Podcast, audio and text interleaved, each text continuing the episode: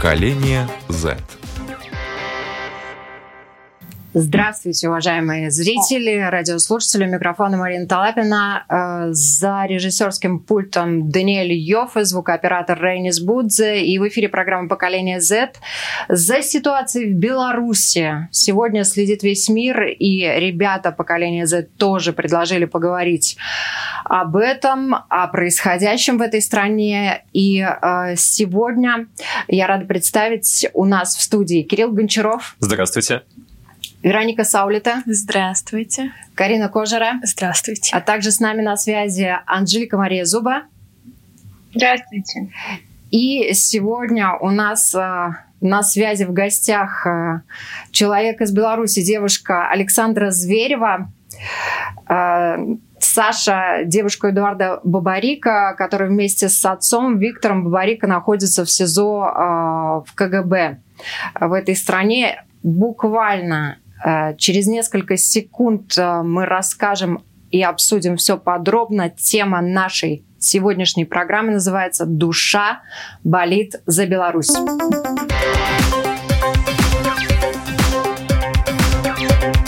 Поколение Z. Саш, э, конечно, хочется сразу первый вопрос задать вам. Я буквально несколько слов скажу, кто такой Виктор Бабарика, если э, наши радиослушатели или зрители еще не знают. Это белорусский банкир, общественный и политический деятель, меценат. И в этом году, в этом 2020 году Виктор э, выдвинул свою кандидатуру на пост президента Республики Беларусь. 18 июня этого года был задержан, и по сей день он является э, политическим заключенным. Более того, задержали не только его, но задержали и его сына. Вот за что задержали Виктора, а, более-менее понятно. Хотя непонятно свободолюбивым людям, но тем не менее а, там, пока, по крайней мере, предъявлены обвинения а он был одним из самых популярных кандидатов в президенты Беларуси. Вот, а что предъявляют, вменяют в вину Эдуарду? Саша, расскажите поподробнее. Но я еще уточню, что судя по опросам и все-таки по количеству собранных подписей, по количеству поддержки, все-таки из альтернативных кандидатов Виктор был самым популярным. Поэтому, в общем-то, то, что произошло, к сожалению, никому не удивило. А Эдуарду формально тоже предъявлено обвинение. Его обвиняют в уклонении от уплаты налогов. А, Эдуард тоже владел компанией, которой принадлежали две краудфандинговые платформы белорусские – одна краудфандинговая, одна фандрайзинговая. Так что формально Эдуарду обвинение тоже было предъявлено. Но еще есть такой нюанс, что э, когда Виктор Дмитриевич выдвинул свою кандидатуру, Эдуард э, возглавил предвыборную кампанию, то есть он стал главой штаба предвыборного. Вот эта ситуация как раз, он, это, тут Александр э, Георгиевич Лукашенко в какой-то степени, наверное, переплюнул Сталина. А если тот говорил, отца не отвечает, то тут получается, что отца отвечает да, и э, что говорят адвокаты, у вас есть возможность вообще как-то узнавать информацию, видеться, как, э, в каких условиях содержит Эдуарда? Ну, смотрите, мне еще хотелось бы сказать про сын за отца. Все на самом деле началось с того, что э, банки, ведь, которым, который Виктор Дмитриевич возглавлял, начали задерживать весь топ-менеджмент, все руководство. Потом начали следующей волной начали задерживать друзей Виктора Дмитриевича, которые вообще не связаны были с ним никак профессиональной деятельностью. Такой элемент психологического давления, но тем не менее в данный момент э, до сих пор находится в тюрьме просто подруга семьи, она пенсионерка, она никогда не была никак связана с банковской деятельностью. Это просто, чтобы вы понимали, по какому принципу нас задерживают людей. А, вчера, кстати, в Следственный комитет вызвали Нобелевского лауреата Светлану Алексеевич, потому что она тоже она вошла в состав Координационного совета, она тоже выступает за передачу власти, и вот, значит, ее пригласили в Следственный комитет. А по поводу того, в каких условиях их содержат, ну, э, понятно, это маленькая камера на 4 человека, то есть это, это уже плохо, удобство в камере, и понятно, что ни Виктор, ни Эдуард таких условий не заслужили, но если, если это можно назвать плюсом, их не бьют, потому что вы знаете, как э, задерживали мирных протестующих в Беларуси, что к ним применяли, мало того, что к ним применяли силы, людей пытали, этому существует уже огромное количество доказательств, можно в сети найти массу роликов, массу записей разговоров, э, где там слышны голоса ОМОНа и так далее. Вот. Ну, в общем-то, условия, условия такие, какие могут быть вот, в следственном изоляторе. По поводу каких-то новостей, ну, вот все еще там ждут суда, все еще адвокаты воюют. Адвокаты к этому всего относятся, ну, там, чем дальше, тем больше с ужасом, потому что а, в день задержания адвокатов просто не допускали ни к Виктору Дмитриевичу, ни к Эдику. То есть э, их доставили в департамент финансовых расследований, а, в здание просто закрыли на ключ и не пускали адвокатов. А, когда адвокаты поехали в прокуратуру подавать жалобу, закрыли прокуратуру. То есть только через сутки адвокаты попали к Виктору через двое суток к Эдику. И вот недавно, э, после выборов, например, э, их не пускали в течение 10 дней. Ни к Виктору, ни к Эдику, адвокат. Э, ссылаются на технические причины, на какие не уточняют. Ссылаются на эпидемиологическую обстановку, которая не помешала там не устраивать в Беларуси какой-то карантин и которая мешала белорусским властям обеспечивать врачей средствами защиты. В общем, говорить про это можно бесконечно. Но вот так вот у нас происходит в Беларуси сейчас. Но вы в том числе тоже находитесь в кругу тех людей, которые подвержены риску, и вас тоже в любой момент, э, получается, могут забрать и предъявить что-то? Ну, э, это было понятно с самого начала. Я думаю, со дня ареста Виктора Седником, более того, полагали, что да, что я буду следующий, кому придут. А, но я вот сейчас уже две недели нахожусь в Киеве. Мы сюда приехали с рабочей группой Объединенного штаба Светланы Тихановской, а, когда э, людей из штаба и из инициативы «Честные люди», которые, собственно, занималась тем, что осведомляла простых людей, что они могут делать в процессе выборов для того, чтобы э, сделать эти выборы максимально прозрачными или, скорее, в условиях Беларуси сделать фальсификацию выборов максимально неудобной. В общем, людей начали поголовно задерживать, и мы просто, да, через несколько дней после выборов мы просто собрались и уехали в Киев, потому что мы поняли, что ну, из СИЗО там мы не поработаем, а польза от нас больше на свободе. Вот так. Поэтому сейчас я относительно в безопасности. Я не знаю, поедут ли за мной в Украину в Беларуси там э, начали людей штрафовать за то, что они публика публикуют э, свое мнение в социальных сетях. Э, что еще вам рассказывают ваши коллеги, соратники, которые находятся непосредственно в Беларуси? Там сейчас идет такая тотальная атака на людей, запугивание людей, да? На самом деле, ну, происходит, да, что-то ужасное. То есть, э, начиная от, ну, просто я, я, я не знаю вообще, как, как это понять, как это описать. То есть после выборов на митингах задержали около 7 тысяч человек. Сотни раненых, избитых, э, людей, которых пытали на Крестина. То есть волонтеры стояли и просто слышали крики людей, которых пытают. Там врачи, которые э, рассказывают и говорить не могут от слез, от ужаса, потому что говорят о том, что там, не знаю, во время войны такого с людьми не делали. И э, пятеро погибших, в том числе Александр, который шел к, навстречу к силовикам с, с поднятыми руками, и в него просто выстрелили. И да, все это продолжается в виде э, рабочих, например, которых пугают руководство заводов. То есть, получается, пока, пока людей уничтожали, я не знаю, как это назвать, кроме как геноцидом, Александр Григорьевич вообще никак на это не реагировал. До сих пор не возбуждено ни одного уголовного дела, ни одного расследования не началось по факту пыток и убийств силовиками в Беларуси.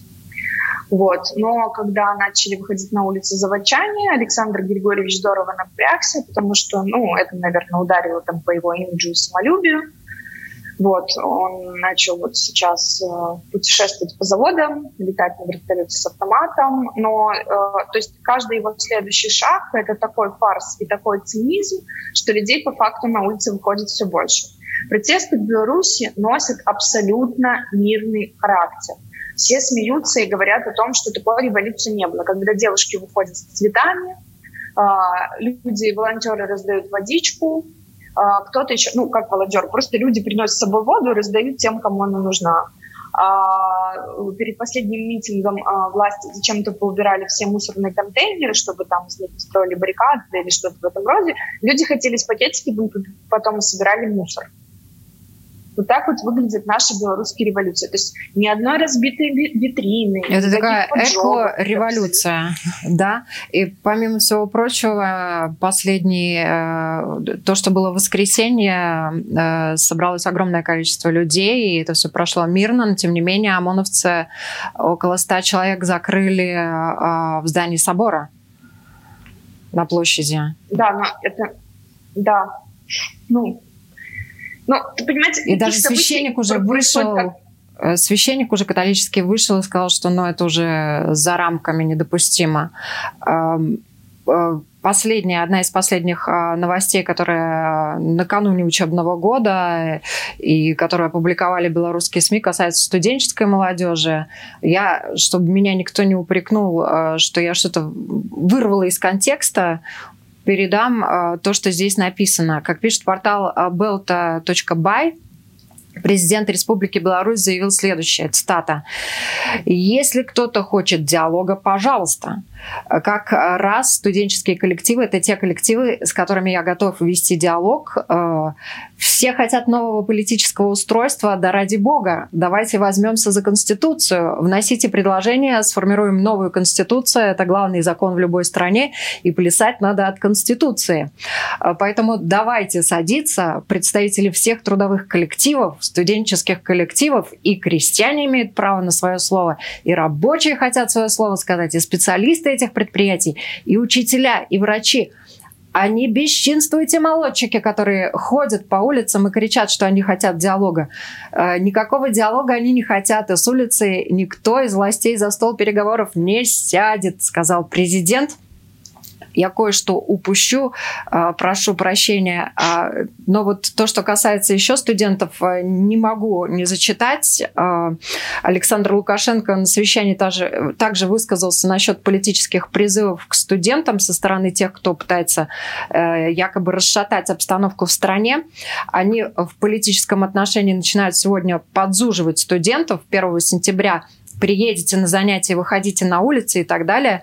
Это все цитирую э, президента. И мы сейчас до студентов доведем ту информацию, которую должны довести до руководства вузов. Они, в конце концов, отвечают за ситуацию в своих вузах, и они ответят, как и руководители промышленных предприятий отметил глава государства, а также он сказал, что а потом вы же должны понимать, что, ребята, мы дали отсрочку от армии на время учебы в ВУЗе ну, не хотят учиться, тогда родину надо защищать.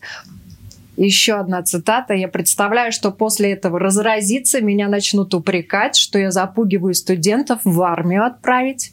Да нет, Повторяю, кто хочет учиться, тот будет учиться, будет иметь эту отсрочку. Кто пойдет на улицу или учиться не захочет, меры примем по закону, сказал он. И также э, Александр Григорьевич добавил, что ко мне министр обороны обратился.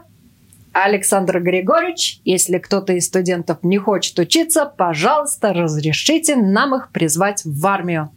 И я говорю, еще студенты за парты не сели, поэтому не надо обсуждать этот вопрос. Но это один из вариантов. Что тут незаконно, что тут несправедливо, добавил президент. Хочется спросить, что думают наши латвийские ребята, в том числе Кирилл, ты, тебе 18 лет, тут представляешь, наш президент Левец с таким заявлением, только потому, что люди вышли на улицу с цветочками, как говорит Саша, да? Напомнил. Честно, по-моему, это звучит как типичная манипуляция и что, опять же, грустно. И мне еще очень понравился тот пункт, то, что он сказал про Конституцию, то, что это является главным документом каждого государства, потому что я предварительно перед радиоэфиром специально посмотрел э, все, все референдумы касательные Конституции Беларуси, которые, кстати, все три, 1995 1996 и 2004 э, их инициатором как раз-таки был Александр Лукашенко. И выявил очень интересную тенденцию, что все три были настроены на то, чтобы расширить его возможности быть президентом и как раз-таки, что он может делать как президент. Потому что в 95 году он э, предложил, и потом это подтвердилось, э, голосующими о том, что э, поддерживаете ли вы все действия президента Республики Беларусь, направленные на экономическую интеграцию с РФ. То есть, опять же, на тот момент Беларусь была парламентарно-президентской республикой, и там уже гласно говорится о том, что именно президент, а не форму парламента, и также там была еще одна поправка, и более важная, которая говорила о том, что может ли президент Беларуси э, игнорировать э, как-либо парламент в случае того, если он является э, неконституционным, то есть когда он нарушает Конституцию. Затем мы переходим в 96 год, э, когда главным вопросом была, Беларусь будет ли являться президентской республикой или парламентской, и тогда, опять же, выиграла президентская. И потом в 2004-м он себе поставил неограниченное количество сроков. Ну... Поэтому очень интересно, что когда он ведет диалог с молодыми людьми, он говорит именно про Конституцию, потому что он, можно сказать, уже ее составил в свою сторону. Ну да, удивительно, что он вспомнил про Конституцию, которую он сам переработал, так сказать, под себя, и вообще э, то, что мы наблюдаем со стороны, мы все-таки со стороны, да. Э, то, что переживают люди, которые живут непосредственно в стране Беларусь, которые хотят там жить, да, это немножко разные вещи. Все-таки я еще раз порадовалась тому, что я живу в Латвии. Вероник, вы ходили, вы же ходили на митинги солидарности, которые проходили у нас в Латвии. Да, да, ходили. Карин, говорить, давайте свою позицию. Ну, в принципе, на самом деле у нас как-то так получилось, то, что вот мы в феврале только познакомились с ребятами, которые из Беларуси, которые очень политически настроены, и мы, в принципе, начали только вот от них узнавать какие-то такие факторы, и сейчас вот так вот сложилось, что это самый такой пик, и, наверное, за счет того, что вот мы с ними в феврале познакомились, мы, наверное, так близко принимаем эту тему. То есть, возможно, нас бы это так сильно не касалось. Ну, также, я думаю, потому что у нас много живут родственников там, и мы все-таки очень близко. Да, нам мы считаем то, что мы должны поддерживать. И, ну, не должны, должны, наверное, неправильное слово, но наша позиция то, что мы поддерживаем народ. И да. Не верится до конца, что в 2020 году это все еще возможно, и что есть такие диктаторы, которые так делают. Конечно, хочется выразить свою поддержку и как, как только можно помогать и рассказывать о этом в социальных сетях и ходить на вот эти пикеты. Хотя вот хочу отметить, что, например, мои родители и вот мое старшее поколение, никто не поддерживает меня, все говорят, что это политика, не надо с ней связываться, зачем ты ходишь на эти пикеты, зачем ты ходишь туда.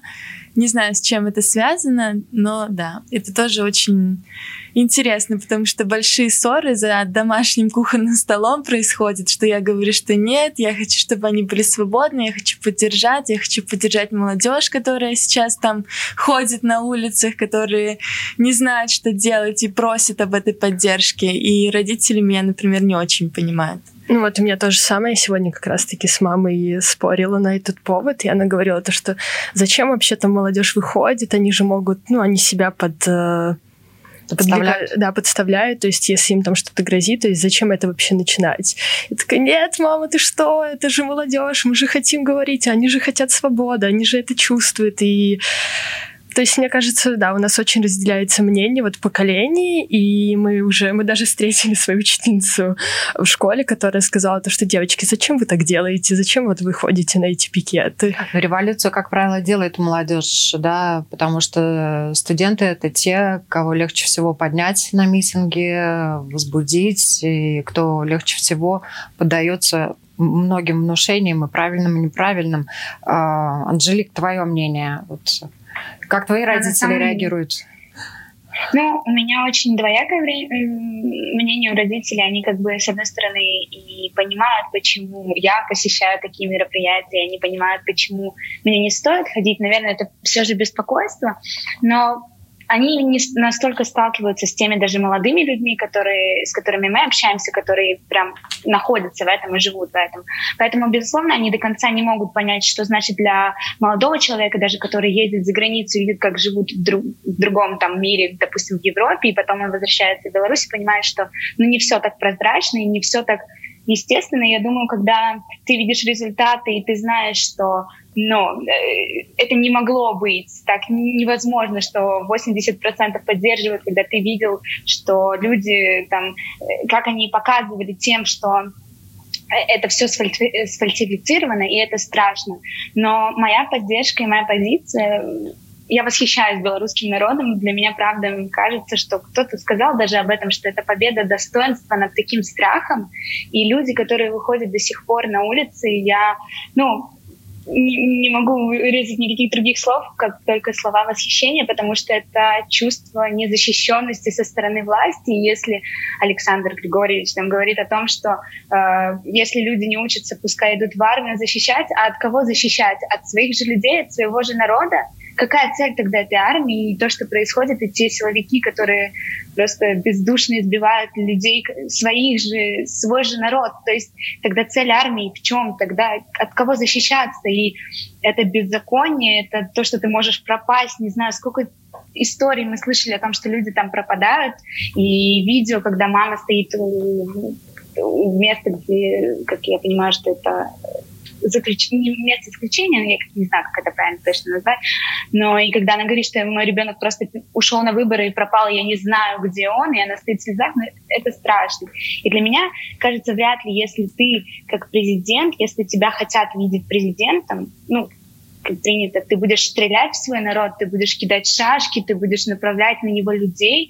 И если ты так доверяешь своему народу, почему ты не просто, если, да, ты не можешь просто уйти и не готов уйти, сказать, что ты проиграл, твои методы в 26 лет прошло и уже не работают, и ты просто не готов с этим смириться и уйти. Это страшно, правда страшно. Ну вот Тут вопрос все в терпении, потому что все говорят, э, что если и произойдет смена власти в Беларуси, то все равно для этого потребуется время, да. И, э, Саш, хочется послушать вас. Э, вот э, народ выходит, его запугивают. Это же тоже психологически влияет, да. Народ не может выходить там, в течение нескольких лет на улице. Люди устанут просто выходить, даже с цветами, даже вот просто на такие позитивные митинги. Слушайте, ну, может быть, прозвучит э, там излишне оптимистично, но я не верю, что это может занять несколько лет. Как? Ну, то есть мы видим человека во главе государства, которого не избирал народ, который говорит на полном серьезе, это цитата, для того, чтобы я провел новые выборы, вы должны меня убить. Ну, то есть человек откровенно говорит о том, что его цель – власть, ему абсолютно э, неважно, поддерживать его, не поддерживать. Очень правильно по этому поводу высказался Зеленский. Когда ему задали такой вопрос, он сказал, что хорошо, если я уверен в том, что меня выбирают, значит, я бы провел выборы, чтобы приехали независимые наблюдатели, чтобы все смотрели. Сегодня, насколько я знаю, а, независимую какую-то делегацию э, из Литвы и из Польши там какие-то послы ехали. Вот, вот я что-то очень мельком прочитала новость.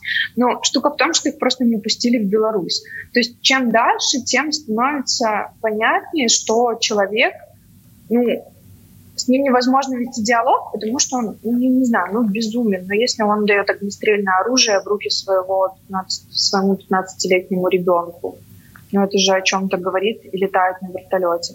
И сейчас, чем вот с каждым этим шагом, все больше становится несогласных людей. А, помимо молодежи, а, на самом деле, огромное количество людей из взрослого поколения точно так же его не поддерживают. На митинги выходят там э, женщины, которым уже лет по 80. Им, наверное, это просто банально физически тяжело, но они не согласны. И, ну, а как это может продолжаться? А на заводах, да, конечно, всех этих рабочих вызывают к начальству, кого-то тоже забирают. Но вы тоже не забывайте о том, что когда ты видишь, что вот твоего соседа забрали, вместо того, чтобы испугаться, ты зачастую думаешь, типа, блин, ну как бы, а завтра это случится со мной. А я вот не хочу жить, например, в стране, в которой вот я буду ходить каждый день и бояться, что меня заберут просто так. Но и мне кажется, невозможно. Силовые структуры покидают люди. Многие в сейчас публикуют свои сивы и говорят, что все, мы, мы ушли, мы не согласны. А, вчера приехал а, в Киев сюда парень, он э, волонтер, он когда-то работал с проектом Байковид, когда в Беларуси во время пандемии, который тоже, наверное, повлиял на, на отношение к действующей власти, потому что была пандемия, как и везде, а у врачей не было необходимых средств защиты. Деньги на то, чтобы врачам эти средства защиты предоставить, собирали просто люди – на фандрайзинговой платформе. Мне кажется, для белорусов это был один из моментов, когда мы поняли, что мы как-то без президента справляемся лучше. Потому что, ну, там, в его 17 резиденциях или 13 самолетах для нас никакого профита нет.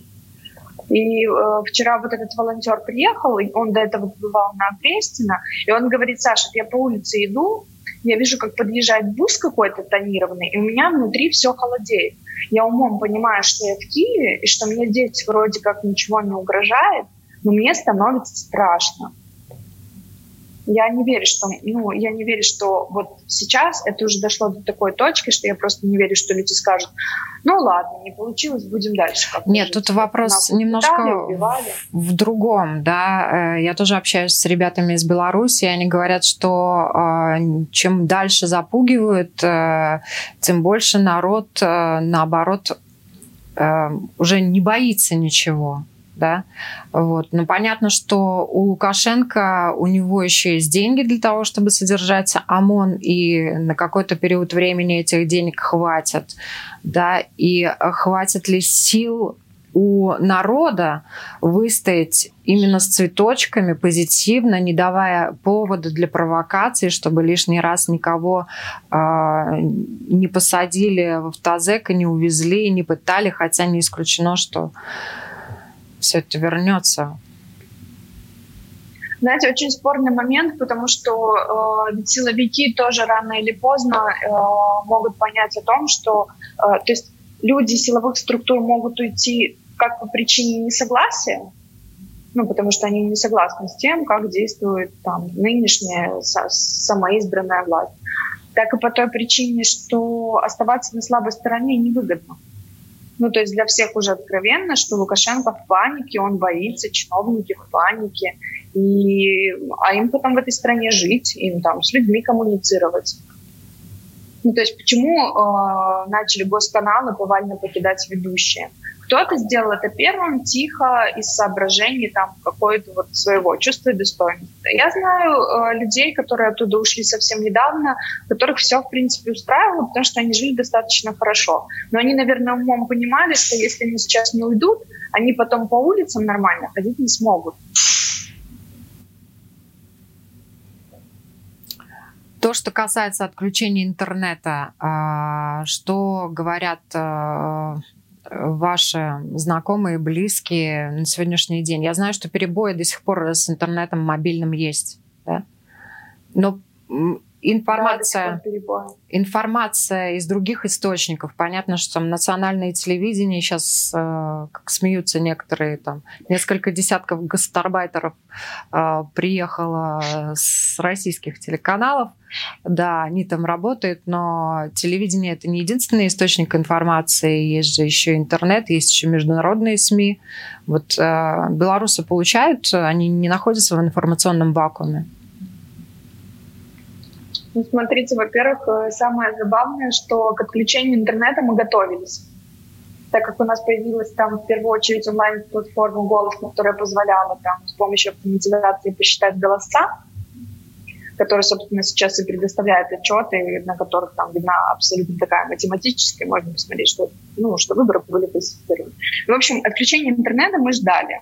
Мы теперь стали вообще прокси-страной, потому что у меня до сих пор на, теле, на телефоне установлено, там, не знаю, пять каких-то прокси-сервисов, которые позволяют блокировки обходить. Да, интернет все равно работает с перебоями, плохо, но в итоге получается, что там до мессенджера ты достучишься и какие-то новости на TUT.BY почитаешь. Хотя вот сегодня, например, с обыском пришли уже ДФР э, в офис э, KYKY и The Village. Это у нас такие популярные независимые медиаресурсы. То есть, ну, я думаю, что следующими будут другие независимые СМИ, потому что еще до выборов Лукашенко говорил о том, что независимые СМИ из страны нужно выдворать. Но так или иначе, да, люди какие-то новости получают. Это скорее больше сейчас, знаете, самой большой проблемой это стало для IT-сектора, которым нужен постоянный стабильный интернет, и доходит до того, что айтишники просто покидают Беларусь, там прям команды перевозят в другие страны сейчас. Ребята, а вам информация от друзей, э, от знакомых, от родственников э, нормально приходит из Беларуси или с задержками там? Ну, да, мы тоже с ними общались, они говорили то, что интернет отключается, и что вот у нас некоторые друзья не ходят друг к другу в гости, потому что у кого-то лучше ловит интернет, у кого-то хуже. Ну да, они подтверждают информацию, то, что действительно интернет отключается. Но, тем не менее, ну, главное, что информационного вакуума такого не наступило. Сейчас уже говорят, что э, северокорейский лидер пугает своих, а вы хотите, как в Беларуси. Пока еще... Знаете, у нас, тоже шутка была, что люди будут на улице, потому что им отключили интернет, и они будут на улице просто, чтобы узнать, для чего отключили интернет, почему отключили интернет. Так что... Но мне кажется, вот э, проблемы с доступом информации есть, ну как бы получается так, что люди, которые живут в Минске, я думаю, что или в больших городах, они еще понимают, что происходит. Но как обстоят, вот мне, например, интересны дела в селах, где у них, наверное, есть только телевизор и есть только информация, которая транслирует, допустим, государственные СМИ. Как я предполагаю, что, наверное, у них немножко информация отличается, и я думаю, что они слышат э, от государственных СМИ, если такие еще есть, и они говорят о том, что это все это все саботаж, люди, которые выходят, наверное, это люди, там, как наркоманы, что там звучало. Э, то есть, ну вот, это так правда работает, что люди, которые находятся в отдаленных регионах, они не получают такую, наверное, информацию? Или как это происходит? Как, как люди, может быть, есть какие-то волонтеры, которые сообщают какими-то другими Разводят информацию по деревням и селам, да, ты имеешь в виду? Да, Саша, да, да, да. рассказывайте, если вы знаете что-нибудь. Слушайте, я не знаю по поводу вот прям деревень, деревень весел, я знаю про областные центры и все вокруг, что там народ точно так же информацию получает. Ну, то есть мне сложно говорить о дерев... Э, прямо о деревнях, в которых живут там три бабушки, но и нужно понимать, что они все-таки, наверное, не основной электорат. То есть, ну, вряд ли бы кто-то там, да, тратил силы на то, чтобы ездить по каким-то совсем там а, маленьким населенным пунктикам. Но э, в общей сложности, то есть во всех областных центрах и, и там более-менее крупных городах, ведь э, Светлана Тихановская, она же ездила э, с митингами, она за один день умудрялась объехать там по три города. И мы э, просто, мы реально были в шоке, потому что нам приезжают э, в какие-нибудь там Росташковичи, в которых, ну, правда, ну, кажется, там, я не знаю, 20 домов. Выходит толпа народу, огромная толпа. И это, знаете, это так показательно, потому что, ну, вот, когда Лукашенко начал, уже после выборов он занялся агитацией и начал устраивать митинги, и людей же свозили со всей Беларуси в автобусах. То есть там есть фото из этих, ну, вот, вот из этих там не, не назовешь толпами, вот стоит там сколько-то людей, есть фотографии, то есть есть там какие-то, ну, э, там, идейные люди, окей, они, ну, они все равно 3%, это реальная цифра, а очень много людей стоит просто с очень грустными, грустными лицами, потому что я представляю, ее там выдернули, да, в каком-нибудь Волковыске, сказали, не поедешь, не получишь премию, и она приехала и стоит грустно. Так что народ все равно, в общем и целом, все все понимают. Ну, я могу вот добавить, у меня живут родственники, они как раз живут в деревне, и они не выходили на связь долгое время, вот сейчас вышли, они ответили, сказали то, что вы там не слушаете, не читаете то, что вам там доносят, это все неправда, у нас все в порядке, у нас все хорошо, но они живут прям вот в деревне деревне, и вот у меня мама очень ссылается, она вот, но она же сказала, что у них все хорошо, что ты там мне говоришь, что все плохо? Я такая, ну, мама, они живут же очень далеко от Минска, и они получают другое. И они уверены в том, то, что до нас доходит информация, вот именно такая, как пропаганда, и не знаю, то, что... Ну, тут вопрос, конечно, а что дальше? Вот э, а что дальше? Какие непосредственные действия, может быть, даже в отношении конкретно ваших близких вы готовы предпринимать, собираетесь предпринимать для того, чтобы их вызволить, Саш? Ну, смотрите, чем а, мы занимаемся сейчас. Мы там а, на связи с Координационным советом, который по-хорошему должен вызвать власть на диалог, и этот диалог начать. А, там Лукашенко, э, ну, я, просто мне сложно называть Лукашенко президентом, потому что, ну, я его считаю уже бывшим президентом, понятно, какого президента мы избрали. Лукашенко пока на, ди, на диалог не идет. А, сейчас мы еще занимаемся фондом, который помогает а, всем, кто лишился работы по политическим мотивам и бастующим. Этот фонд призван, в общем, этих людей поддержать. Там есть фиксированная сумма, которая выплачивается, она равна там, ну, э, средней, вот, вот, вот есть это там 500, которая обещает белорусское правительство, который год, ну, вот она равна условно там трехмесячным зарплатам для людей. И, ну, то есть мы хотим показать там заводчанам, что мы готовы их поддержать, что они не останутся на улице голодными, никому не нужными. И, ну, сейчас все действительно зависит от людей. То есть э, пойдет Лукашенко на диалог или не пойдет, зависит от того, насколько люди будут продолжать гнуть свою линию, на мой взгляд. Если люди, если заводчане, шахтеры продолжат восставать, если медики и учителя будут выходить на улицу, ну, невозможно будет просто закрыться в резиденции с силовиками и бесконечно там сидеть, правда? Ну да, вот ситуация в Беларуси станет одной из главных тем неформальной встречи министров иностранных дел стран Евросоюза. И там уже тоже а, Ангела Меркель высказала, что белорусы должны сами выбрать путь, по которому идти дальше. И в Берлине подчеркивает, что Евросоюз хочет прежде всего защитить права человека в Беларуси. И речь не идет о скорейшей интеграции страны в ЕС э, и Североатлантические альянсы. в принципе, насколько я понимаю, там а, пророссийский следующий президент будет в Беларуси или прозападный, это не имеет э, большого значения. Главное, чтобы там э, установился мир, да, чтобы там действительно ну, установилась же... власть, э, которую хочет народ. Но мы же, понимаете, мы же об этом все время и говорим. То есть я не очень понимаю, э, когда там приводят политики довод, что белорусы должны решить сами. Ребят, мы уже решили. Мы хотим честные, прозрачные выборы. По какому там пути мы дальше пойдем? В Россию, в Европу? Неважно. Мы хотим, мы хотим сами выбрать своего президента. Мы этого президента выбрали мы хотим, чтобы вот, а дальше мы уже разберемся, правда. Но то, что касается да, кандидатуры... выступила Тихановская, да? Как я понимаю, она выступала в Европарламенте, где она сказала о том, что это не пророссийский, не проевропейский, это наша внутренняя проблема, и мы ее уже решили. Но то, что касается госпожи да. Тихановской, насколько а, белорусы действительно ее оценивают как президента, а, понятно, что она вступила из-за мужа, выдвинув свою кандидатуру, ее не восприняли серьезно, поэтому допустили до выборов. Тех, э, кого серьезно восприняли, как э, Виктор Бабарика, его убрали со сцены, если так можно выразиться. Ну, давайте говорить так. Большая часть белорусов думает, что кирпич или крышка от люка будет лучшим президентом, чем Лукашенко. Поэтому многие говорят о том, что домохозяйка, которая хорошо владеет двумя языками, лучше, чем президент, который летает на вертолете э, с автоматом и до сих пор не, на, не говорит ни на одном языке. Потому что Лукашенко не умеет разговаривать ни на русском, ни на белорусском.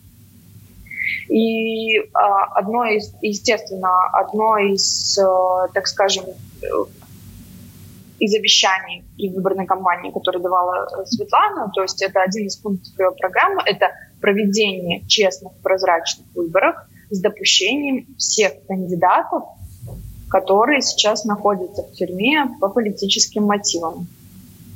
То есть поэтому, да, поэтому все поддерживают Светлану. Но и я вам скажу, с большой долей уверенности, если бы даже события разворачивались не так, и был бы выбор между Тихановской и Лукашенко, люди бы выбрали Тихановскую. Конечно, еще а, одна новость, которая до нас дошла, это а, уволили актеров академического театра. Уволили актеров академического театра белорусского, известного, знаменитого, который в этом году буквально вот скоро осень должен праздновать столетие свое. Они-то бедненькие. Чем? Да, мы сейчас с ними уже, кстати, на связи, но э, у нас же, да, у нас же в Купалском театре до этого тоже проходили обыски, а по БТ или ОНТ показывали фотографии там каких-то перевернутых стульев и бутылок. Ну, люди просто, ну, люди тоже э, делают они высказывают свою гражданскую позицию. То есть для, э, ну, для там, силовых структур этого достаточно, для КГБ и так далее. Просто ты высказываешь свою гражданскую позицию, и потом ты становишься алкоголиком, тунеядцем, безработным, шелудилом, ну, вся, все вот эти вот слова, которые Лукашенко использует. Мой, скорее всего, главный вопрос. Вот по-вашему, насколько COVID являлся причиной Потому что, по-моему, именно реакция на COVID, как я смотрел со стороны, сыграла очень сильную злую шутку, скажем так, со всем, что произошло после. Крутой вопрос, но мы на самом деле, вот мы с командой, когда обсуждаем, нам кажется, что это все-таки действительно был один из ключевых пунктов, потому что ну, людей бросили наедине со своей проблемой. То есть вы представьте, мировая пандемия – руководитель страны говорит, какой вирус? Я его не вижу. Водки выпейте, в поле выйдите, сядьте на трактор, и вот никакого коронавируса. Ну, то есть тут уже даже не смешно. Ну, потому что э, врачи лишены минимальных необходимых средств защиты. Э, врачи начинают заражаться, врачи начинают умирать. Впереди врачей были умершие. Э, начинают умирать люди а, Лукашенко дает комментарий и говорит, ну, умер, потому что был старым. Ну, умер, потому что был толстым. Ну, то есть это то, что зацепило, я думаю, так или иначе абсолютно всех. Поэтому я думаю, что да, ну то есть коронавирус на всю эту ситуацию и на отношение там, к действующей власти очень сильно повлиял. А если бы его не было, то выбрали бы Лукашенко, и все э, дальше проходили, ходили бы в театр и не выходили бы на улицу. Ну, знаете, я всегда говорю, что история не любит сослагательных наклонений. Очень сложно сказать, что было бы. Ну, то есть мне... Я почти уверена, просто тут э, был, вопрос звучал, как повлиял ли коронавирус. Сто процентов повлиял. Э, была ли до этого Лукашенко какая-то огромная поддержка? Не думаю но э, не имею права рассуждать, что было бы, если бы Лукашенко сказал там, давайте мы сейчас вас всех вылечим, или бы там врачей обеспечил. Ну, потому что случилось, как случилось. Анжелик. Хорошо, у меня такой вопрос. Как люди за границей, как общество, европейское общество, всемирное общество может помогать людям, которые сейчас находятся э, там, которые все еще продолжают свои протесты, и какие наши могут быть действия? А, ну, мы, конечно, очень радуемся, что, ну, ужасно, что все, что случилось после выборов, стало причиной для того, чтобы в средствах массовой информации наконец-то начала появляться, появляться там а, информация статьи о том, что происходит в Беларуси. Конечно, нам бы очень хотелось, чтобы это, это все, вся эта ситуация в Беларуси придавалась еще больше огласки, чтобы люди об этом знали, чтобы люди делились информацией, потому что я уверена, что там до сих пор многие в Европе только начинают погружаться в эту тему. А, конечно, нам нужна поддержка со стороны а, властей стран, а, которые не будут признавать Лукашенко как легитимного президента, которые э, будут вводить санкции, в первую очередь, э, против чиновников и против их семей. И, ну, конечно, для нас важна... Э, мы, мы прекрасно понимаем, условно, что там войска никто не введет. Но если э, руководство стран могут сделать что-то для того, чтобы Беларуси помочь, я не знаю, поучаствовать в переговорах, то мы бы, конечно, были бы очень-очень счастливы. Опять же, новости. Да. Лукашенко отказывается общаться пока с лидерами. Э, с той же Меркель и Макроном. Ну, не поднимает трубки. Вот. Да. Ну, то есть я говорю, такое ощущение, я, я не знаю, я просто я не могу залезть в голову к Александру Григорьевичу, потому что каждый его шаг, он, ну, он же правда непредсказуем. Но я правда не знаю, какой его план. Ну, как? Вот после этой всей ситуации вы как-то будете больше политически направлены? Может быть, у вас как-то поменяется жизнь, и вы свяжете свою жизнь с политикой? То есть как-то на вас эта ситуация повлияет, что вы уйдете в политику? классный вопрос. Мы как-то с Эдиком говорили, Эдик говорил, что нет, там политика типа не его тема. Я говорю, слушай, ну ты пока вот там в штабе работаешь. Он говорит, да, такие знания потом захочется куда-то применять. Uh, ну, смотрите, я вообще никогда не называла себя аполитичным человеком. Ну, потому что я в аполитичность как там в термин вообще не верю. То есть если ты живешь в социуме, там, ходишь на работу, платишь налоги и так далее, ты уже так или иначе с политикой напрямую соприкасаешься. Но там мысли о том, ушла ли бы я там потом в политику или что бы я делала, а сейчас моя жизнь, она разделена на такие, знаете, очень короткие отрезки. Я вообще ничего не планирую. Там есть условно задачи, которые мы ставим. Вот у нас есть рабочая группа, мы поставили себе задачи, и мы их просто выполняем. А, времени на то, чтобы посидеть и подумать, типа, хм, кем я хочу, там, ну, чем я хочу заняться дальше. Я иногда думаю, что когда это все закончится, я с удовольствием, да, вот полечу куда-нибудь, посижу где-нибудь э, там, на песочке полежу с книжечкой. А, хотя э, есть э, такие, скажем, законопроекты, которые мне давно очень нравились, и я бы, наверное, хотела, чтобы в Беларуси применили. Но я так загадывать далеко не буду. Спасибо. Пусть в Беларуси все закончится миром. Спасибо большое. Спасибо вам. Всем хорошего дня.